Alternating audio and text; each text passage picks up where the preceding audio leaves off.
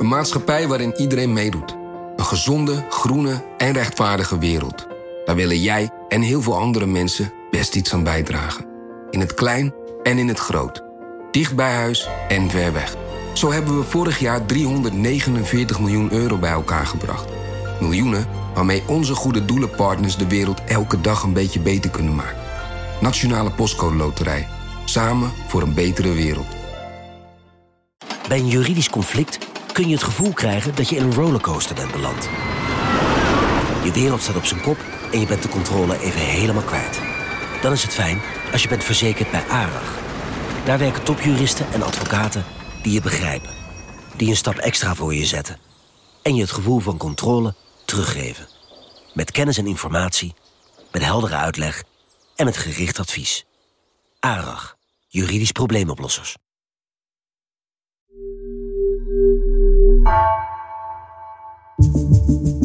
Vanaf de redactie van NRC het verhaal van vandaag. Mijn naam is Egbert Kalsen.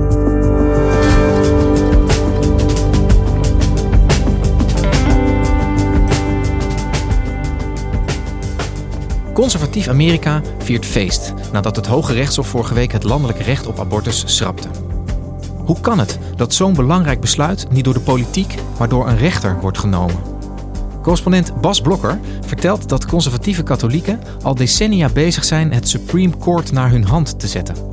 Lukt het hen om de seksuele revolutie van de jaren 70 terug te draaien?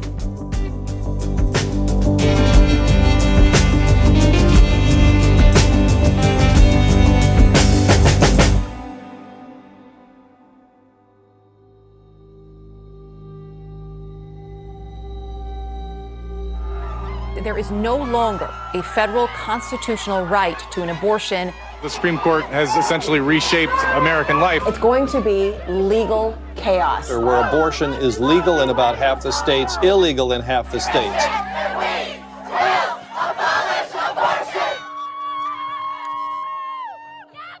Vrijdag ben ik uh, naar Ohio gereden, naar de stad Cincinnati, um, om daar te gaan kijken wat de reacties waren op uh, de te verwachten uitspraak van het Supreme Court over abortus. Ja, waarom Ohio? Waarom Cincinnati? Daar is, in Cincinnati is een organisatie die heet Right to Life. En uh, heel conservatief katholieke anti-abortus organisatie is dat. Um, ik was onderweg en Ohio is een vrij conservatieve staat in meerderheid. Dus ik kwam langs allemaal bordjes met Pray to End Abortion. Ik kwam langs een schuur waar een enorme foetus met moederkoek op geschilderd was. Dus ik wist dat ik goede koers uh, had gevonden. Terwijl ik onderweg was, ik had de radio steeds aan, hoorde ik dat uh, die dag dat ik er was, inderdaad het Supreme Court had geoordeeld. Um, het recht op abortus is in Amerika geen wet meer. Oké, okay, Right to Life, klein kantoortje in Cincinnati. Er stond een politiewagen naast de deur. Uh, voor bewaking, vertelden ze me toen ik binnenliep. En toen ik binnenliep, ik werd meteen omhelst. Oh, glorious day, praise the Lord.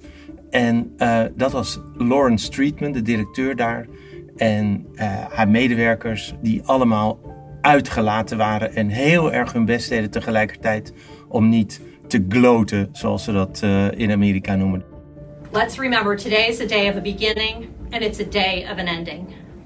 With the court's decision, we see an end to the federal law that permitted the poisoning, starvation, and dismemberment of almost 65 million pre-born American children through all nine months of gestation.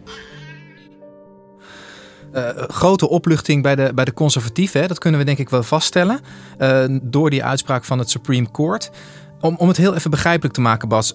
Zij maakte een eind aan de bestaande praktijk van abortus, aan Roe v. Wade, zoals dat zo mooi heet in Amerika. Wat betekent dat nou dat dat is teruggedraaid? Hoe zat dat ook alweer?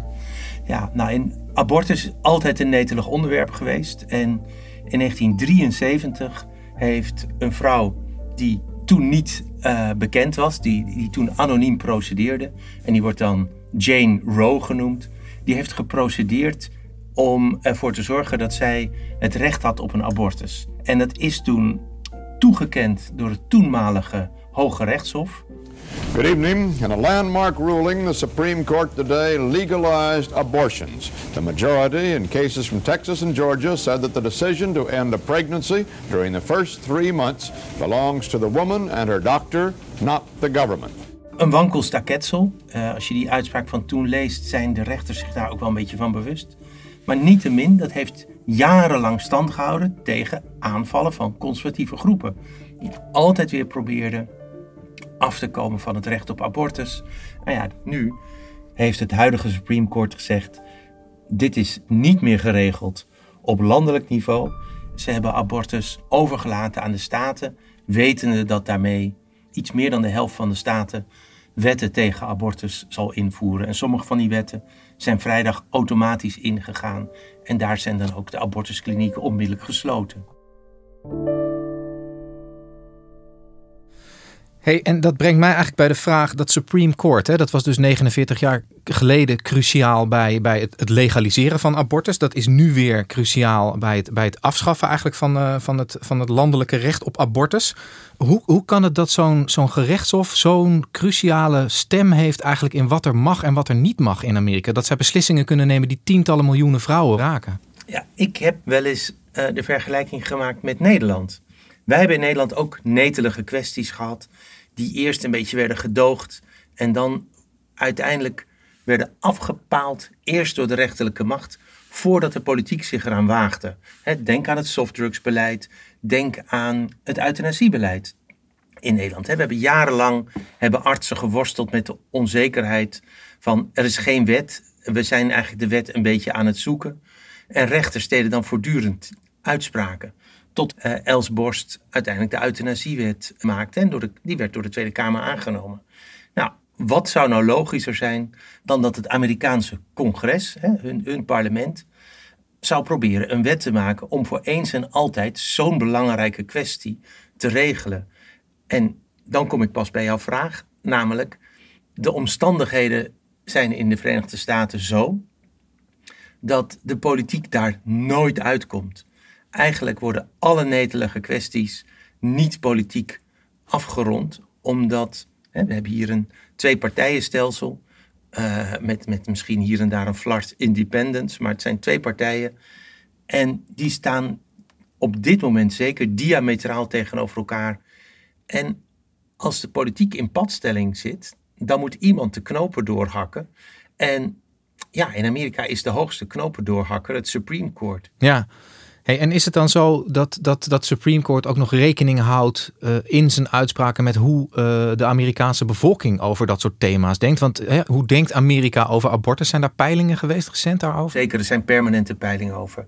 Als je um, de staatjes optelt, is het ongeveer 61% is voor legalisering, voor, voor de legale praktijk van abortus, al dan niet onder voorwaarden. En 39% die vindt dat abortus illegaal zou moeten zijn. Het grootste deel van die 39% zegt illegaal tenzij. Bijvoorbeeld als de vrouw in gevaar is. Bijvoorbeeld als een vrouw is verkracht. Bijvoorbeeld als uh, een kind, een, een jong meisje slachtoffer is. Die, die vinden dat ook. En in die peiling is 8% van de Amerikanen 100% pro-life hey, maar als ik jou goed beluister, Bas, dan is een meerderheid van de Amerikaanse bevolking dus, dus uh, voor abortus onder voorwaarden, zal ik maar even uh, samenvatten. Uh, dat, dat, dat Supreme Court gaat daar eigenlijk dus recht tegen in. Absoluut. Kijk, het Supreme Court is natuurlijk een, een wonderlijke kwestie. Um, het is het hoogste rechtsorgaan van het land.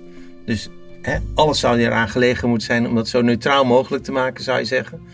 Um, maar de rechters aan het Supreme Court, de, de, de negen rechters, zijn ieder aangesteld door een president. Met een hele scherpe kleur natuurlijk. Um, door, een, door een toevallige samenloop van omstandigheden zitten er zes mensen in het Supreme Court, een supermajority is dat, die een heel conservatieve kijk hebben op de wet en op de grondwet. Ze zijn, uh, de, de meeste van hen zouden zichzelf originalists noemen. Dat zijn mensen die de tekst van de grondwet letterlijk nemen en hem bovendien uitleggen zoals zij denken dat hij in 1780 werd uitgelegd. Dat zij dus weten hoe de founding fathers hem destijds hebben bedoeld Ook voor zaken die 250 jaar later spelen.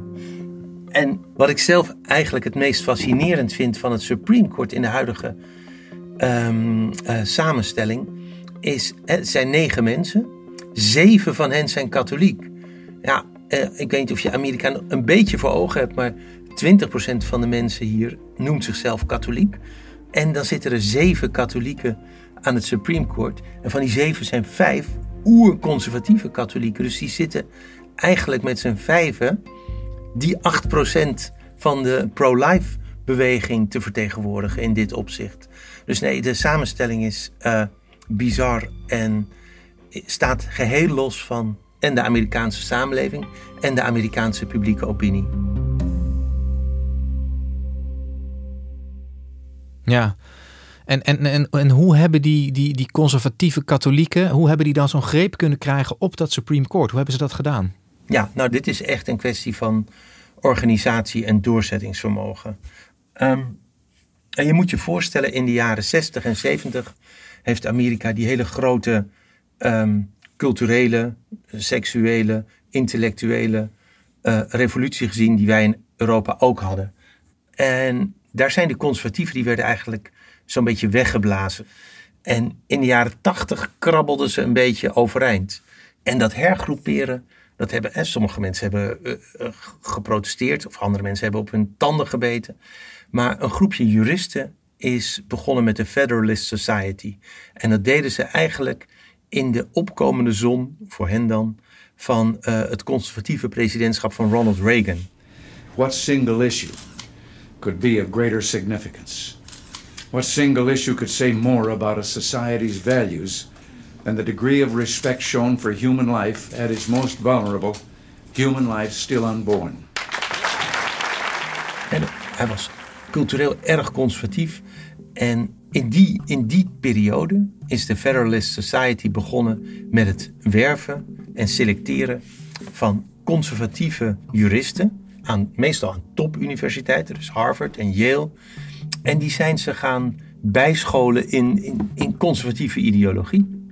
En, en wat hebben zij dan gedaan in die jaren om die rechters daarvoor klaar te stomen? Want dit, dit klinkt bijna als een heel langzaam voorbereide koep, hè? als het niet gewoon allemaal binnen de democratische regels was geweest.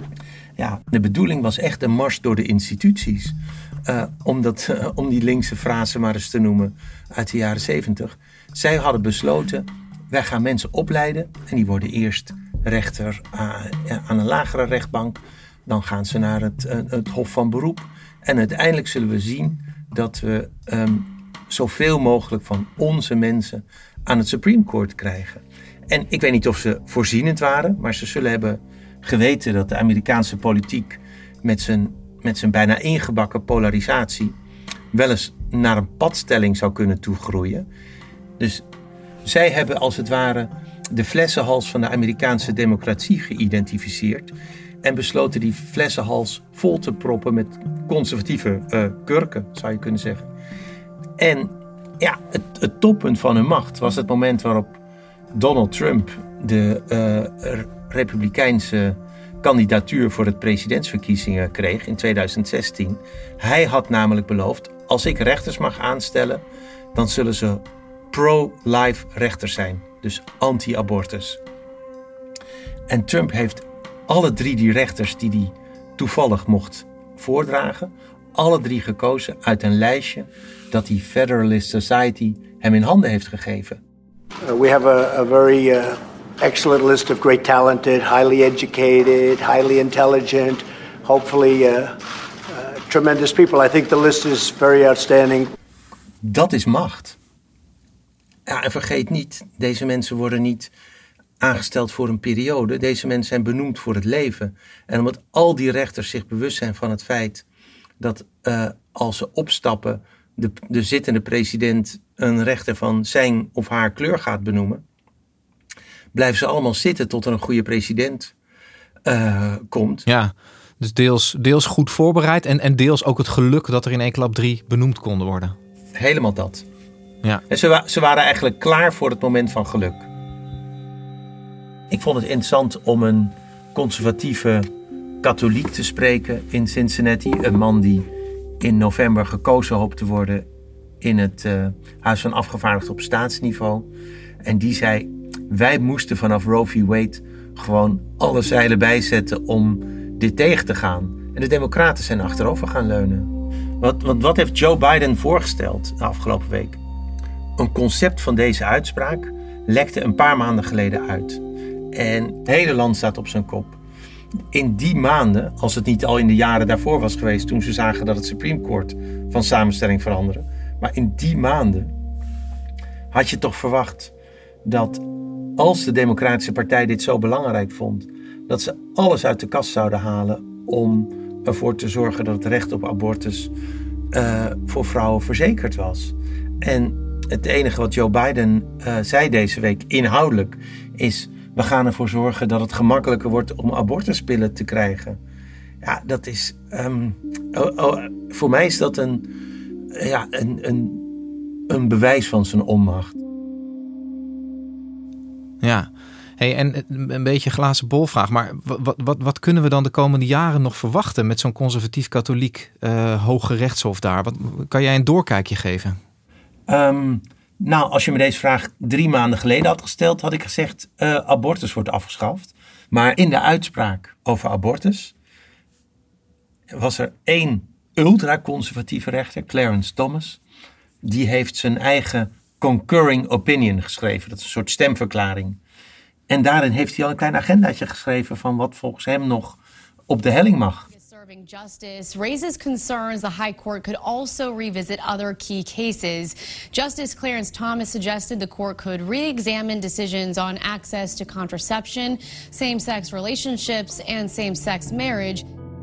In Ohio, in Cincinnati, waar ik was, uh, wordt dat met gejuich omarmd. Uh, het uh, huwelijk tussen een Mensen van het gelijke geslacht is onnatuurlijk, zeggen ze. Transgender bestaat niet, zeggen ze.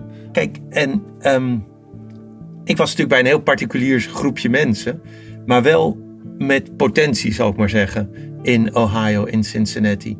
Dit is de, de echte conservatieve voorhoede. En zij voeren niet minder dan een contra-revolutie uit.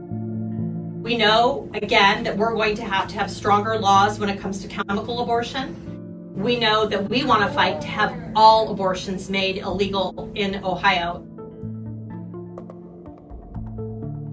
De, de directeur Lawrence Streetman, die legde me uit wat, wat allemaal voor haar op de korrel staat. Dat is elke vorm van abortus uitbannen. Het moet 100% tegen abortus zijn. Ze gaat daarna het homohuwelijk op de korrel nemen. Ze gaan tegen anticonceptie zijn. Um, eigenlijk de hele oerconservatieve agenda wordt daar uitgevoerd. En het, het is werkelijk een contra-revolutie, want dit is hoe ze het mij zei. We gaan één voor één alle leugens van de seksuele revolutie uit de jaren zeventig ontzenuwen. Dus uh, maak je borst maar nat.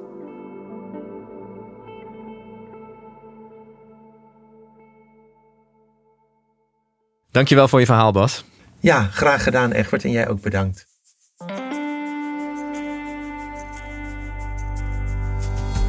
Je luisterde naar vandaag, een podcast van NRC. Eén verhaal, elke dag. Deze aflevering werd gemaakt door Mandula van den Berg en Bas van Win. Dit was vandaag, morgen weer.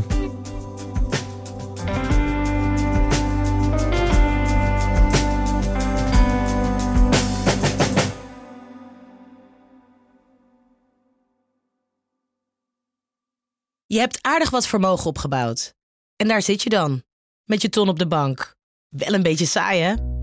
Wil jij, als belegger, onderdeel zijn van het verleden of van de toekomst? Bridgefund is een slimme fintech die een brug slaat tussen de financiële behoeften van ondernemers en van beleggers. Dus wie belegt bij Bridgefund krijgt niet alleen een mooie vaste rente, maar brengt ook ondernemers in beweging. Echt waar, met die ton kan je zoveel betere dingen doen. Bridgefund. Make money smile.